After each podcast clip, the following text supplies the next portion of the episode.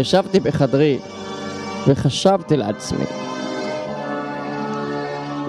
על מה אעשה את הפרק היום.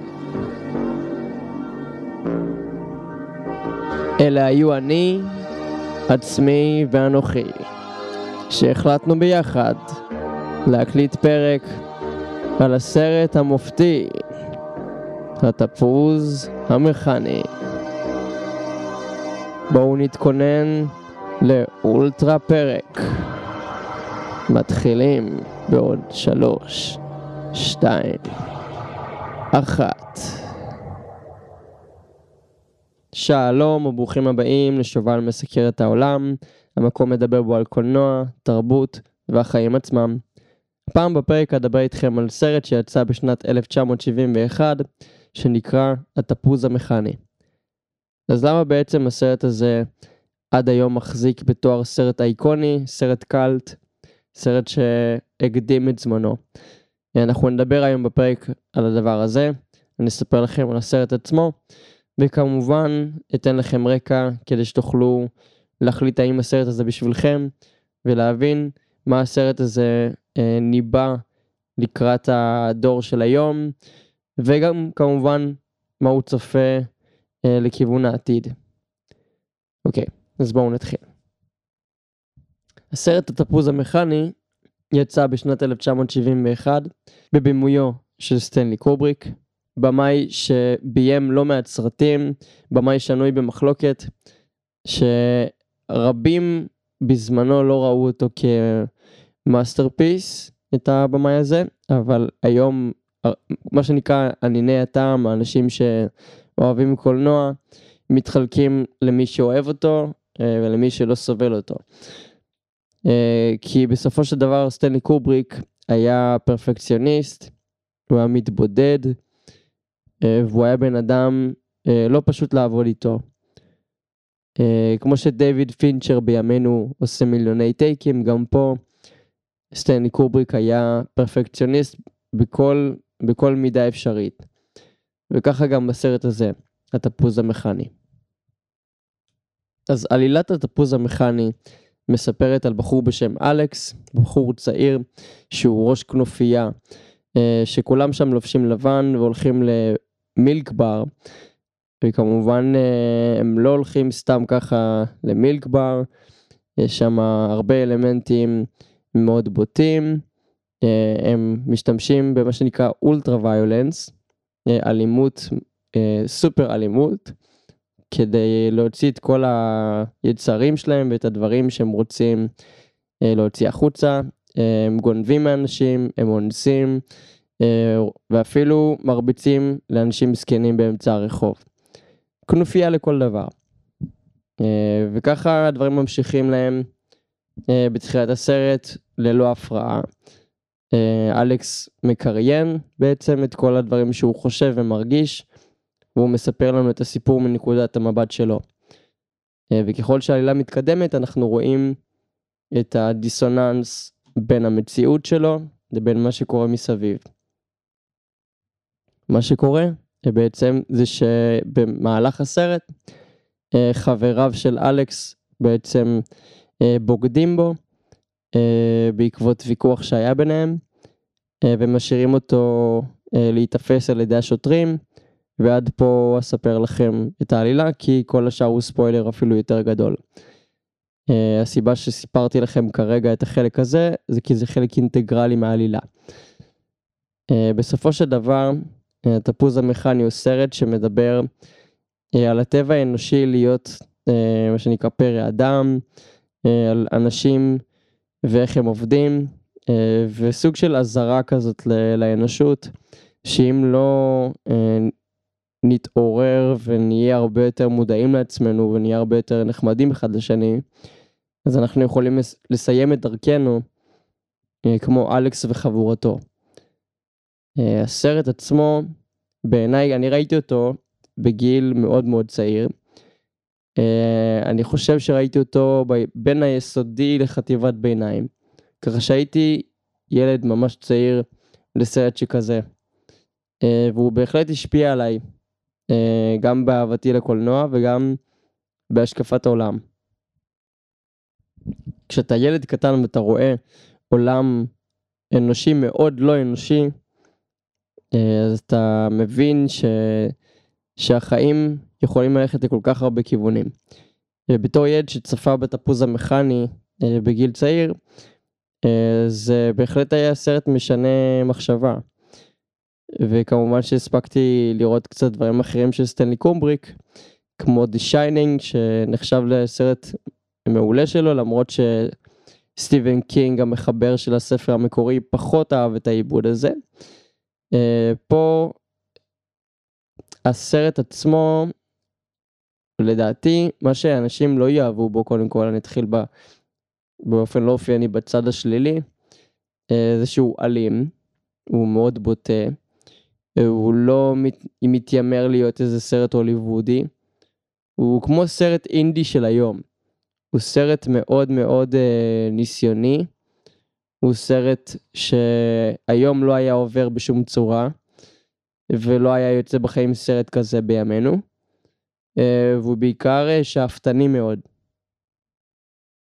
הדמות של אלכס אה, מצטיירת על הנייר אה, כדמות אה, ברברית, כדמות שהיא אה, לא חושבת ופועלת לפי האינסטינקט שלה, היצרים שלה. אה, בקיצור, בן אדם רע. אבל ככל שאנחנו מתמקדים בדמות הזו ובסיפור שלה, אנחנו רואים שהוא בסופו של דבר כמונו. הוא שומע מוזיקה קלאסית של בטהובן, יש לו הורים שדואגים לו כדי שיהיה לו טוב, וסך הכל מדובר בילד, אה, נער שכנראה שהחינוך בבית לא הספיק והוא רצה למרוד בכל מקרה, הוא הפך לפושע. והסרט מראה את התהליך שלו מפושע למישהו שהמערכת רוצה לשקם. אבל גם בשיקום הזה, אה, בעולם של סטנלי קובריק, הממשלה היא ממשלה נוראית, שרוצה לעשות ניסויים בבני אדם, ולא מוכנה להתפשר על שום דבר על מנת להגיע למטרות שלה. ואנחנו רואים את זה בסרט, אנחנו רואים כיצד בעצם הממשלה לוקחת את, ה... את הבחור הזה המסכן כביכול, שנפל אה, קורבן לחבריו, כשהוא בעצם הפושע.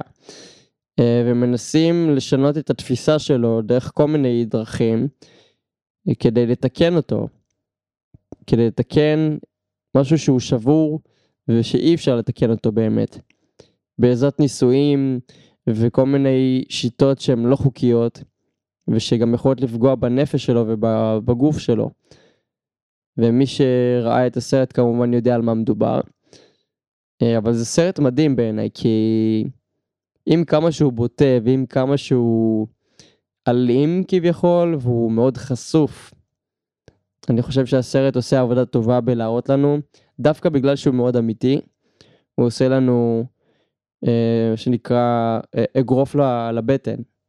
הוא נותן לנו להסתכל באופן לא מצונזר במה שיכול לקרות לאנושות הזו, אם אנחנו לא נתיישר ונהיה סוף סוף אנשים מתורבתים.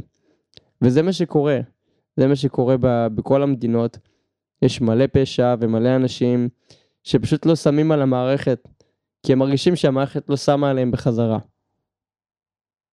וזה משהו שאני יכול להבין. בסופו של דבר כשאנחנו כבני אדם, אנחנו גדלים בסביבה מסוימת, אנחנו מתפתחים מתוך משהו מסוים, וזה מה שנותן לנו את, ה, את המקום הזה של להחליט מי אנחנו ואיך אנחנו מסתכלים על העולם הזה, וראיית עולם.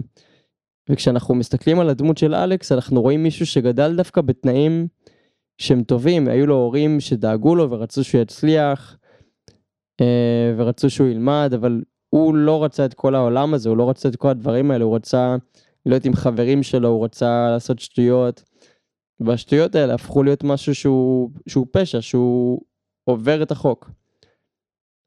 והסרט הזה מלא באירוניות, מלא בדברים שהם בעצם סותרים אחד את השני במכוון, אה, כדי שנבין כמה העולם שלנו דינמי. איך מפושע אתה יכול להפוך למישהו שהמערכת מנסה לתקן אותו, והחברים שלך בוגדים בך ועושים בך כל מיני דברים. ובעיני הסרט עושה עבודה טובה בנושא הזה. מבחינת המוזיקה בסרט, אה, ונדי קרלוס שהייתה בעבר וולטר קרלוס בתקופת הצילומים של הסרט, אה, מלחינה ששינתה את המין שלה, מה שנקרא היום טרנסג'נדר, בזמנו היה משהו שהוא לא מוכר כל כך, היא עשתה את, ה, את פסקול הסרט, השתמשה במוזיקה, מה שנקרא מוזיקה קלאסית, אבל ממניעים של סינתסייזרים. עכשיו למה היא עשתה את זה? כי כשאנחנו לוקחים מוזיקה כל כך טהורה כביכול, כמו המוזיקה הקלאסית, ושמים אותה במשהו כל כך מעוות במרכאות, כמו סינתסייזרים, שזה סאונד כל כך מעובד וכל כך לא אמיתי, אז נוצר פה משהו שהוא hybrid של שניהם. ובעיניי זו הייתה החלטה מכוונת של המלחינה לעשות פה משהו אחר. לקחת יצירות שהן כל כך מוכרות ולעשות אותן בסינתסייזר זה משהו שהוא היה unheard of בזמנו. וכל הבחירות של הסרט הזה היו מאוד מאוד שוברות כל המוסכמות של מה שהיה פעם. לחשוב שבשנת 1971 הדברים היו כל כך שונים ממה שהם היום. כל הפוליטיקלי קורקט שיש היום, לא היה את זה. אז הכל היה בצורה כל כך שונה, ומלקום מקדואל, ש... שהוא אלכס, פשוט שיחק מדהים את הדמות הזו. הוא שחקן ממש טוב שעד היום אה, משתתף בהמון סדרות, ראיתי אותו, לדעתי פעם אחרונה בסדרה גיבורים, ולקח לי המון המון זמן לזהות אותו, אבל הוא, הוא שחקן ממש טוב. אנחנו רואים בסרט הזה כמה הוא מוצלח, והוא גם השתתף בעוד סרטים של סטנלי קובריק, והיה חבר מאוד קרוב שלו, יחסית למה שסטנלי קובריק אה, מגדיר כחברים. עוד השפעה של התפוז המכני על, על הקולנוע, אה, בעצם דמותו של הג'וקר של אי פלג'ר מאוד מאוד מושפעת מהדמות של אלכס, אלכס דה לארג'.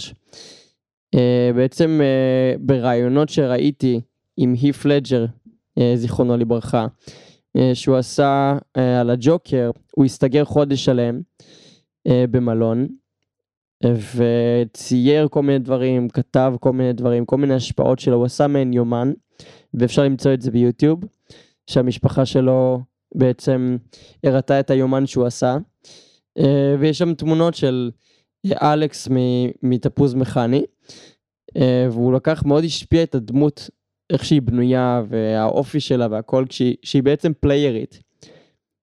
אה, יש את הסצנה האלמותית, שאלכס שר את אה, Singing in the Rain, ו-Singing in the Rain זה שיר ממחזמר שג'ין קלי השתתף בו, שנקרא Singing in the Rain, שיר השיר בגשם בעברית, וקובריק נותן פה קונוטציה של אלימות, בשיר שהוא כל כך מוזיקלי וחיובי. אז אני חושב שה... התפיסה המעוותת הזאת שהמציאות התאימה בדיוק לדמות של הג'וקר של ליף לג'ר, שגם אנחנו לא יודעים מי הוא, אנחנו לא יודעים מאיפה הוא בא, אה, ובעיניי זה משהו שאני עד היום מושפע ממנו, אני מושפע משני הסרטים האלה, מהאביר האפל ומהתפוז המכני, שני סרטים שהם נכס צאן ברדל מבחינתי. סרטים שהם פשוט אייקונים, והם לדעתי לא הולכים uh, לרדת מהרמה הזו לעולם. יש ביניהם גם המון דמיון. התפוז המכני מספר על האלימות הזאת של בני האדם, וכמה אפשר לשחק בבני אדם, ולקחת את הנפש הפשוטה של מישהו, והוא פשוט לעוות אותה למשהו מגעיל ומכוער. ובאביר האפל, הדמות של ליף לג'ר, שהיא הדמות של אלכס בעצם, אה, היא השחקנית והיא מנסה להוכיח שאפשר להרוס כל בן אדם, אה, בשונה מהממשלה בהתפוז המכני. אה, והיא מנסה לגרום לברוס ויין, לבטמן, להפוך להיות משהו שהוא לא, שזה אביר, לא, לא, לא אפל, אלא אביר טפל, מישהו שהוא עובר את החוקים שלו, שובר את המוסכמות שלו. וזה גם נושא מאוד מעניין. אז כשמסתכלים במכלול על הסרט התפוז המכני, מה יש לנו פה? יש לנו מוזיקה מדהימה של ונדי קרלוס, יש לנו בימוי מבריק של סטנלי קובריק, שאני ממש ממש ממש ממליץ על סרטים אחרים שלו. אתם כמובן מוזמנים לפנות אליי אם אתם רוצים המלצות. יש לנו את מלקום מקדואל, ששיחק מדהים בסרט הזה, ועלילה שהיא מאוד פשוטה. בן אדם שהוא חלק מחבורה שעושה פשעים נתפס, והמערכת של המדינה מנסה לשקם אותו ולהפוך אותו למעין פרויקט. אה, וכל השאר כמובן בתוך הסרט. אה, אני חושב שהסרט הזה זה סרט שחשוב לראות. לא יודע אם הייתי ממליץ עליו לילדים, בכל זאת אה, סרט שהוא לא לילדים בכלל, אה, הוא מכיל עירום, מכיל אלימות, אה, מאוד גרפית, מכיל אונס, ולכן הייתי ממליץ לאנשים בגיל יותר מבוגר לראות את זה. וכמובן לקחת מזה הכל בערבון מוגבל, כי בכל זאת מדובר בסרט בקומנטרי מסוים על הנושא של אלימות ו... חוסר אנושיות.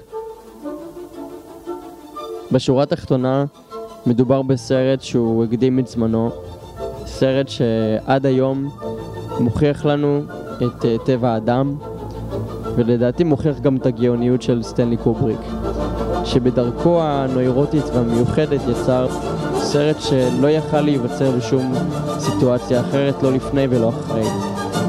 ולכן אני אוהב תמיד לחזור לסרט הזה, לראות קצת מאחורי הקלעים, לראות רעיונות, וכמובן לקחת ממנו השראה בדברים שאני יוצר, או בכלל השראה. אה, ואני ממליץ לכם גם לנסות לראות אותו.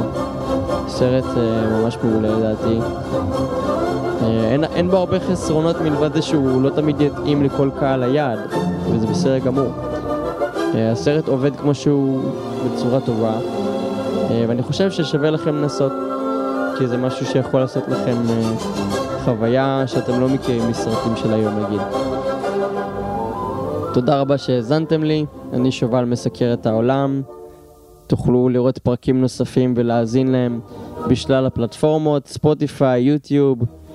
כמובן, אה, תוכלו, ואני אשמח מאוד שתלחצו על הפעמון ביוטיוב, שתעשו דירוג בספוטיפיי, וכמובן תשתפו את הפודקאסט בכל העולם, לכל מי שירצה, תוכלו להאזין לפרקים שוב ושוב ושוב, ולהציע לי עוד נושאים לדבר עליהם.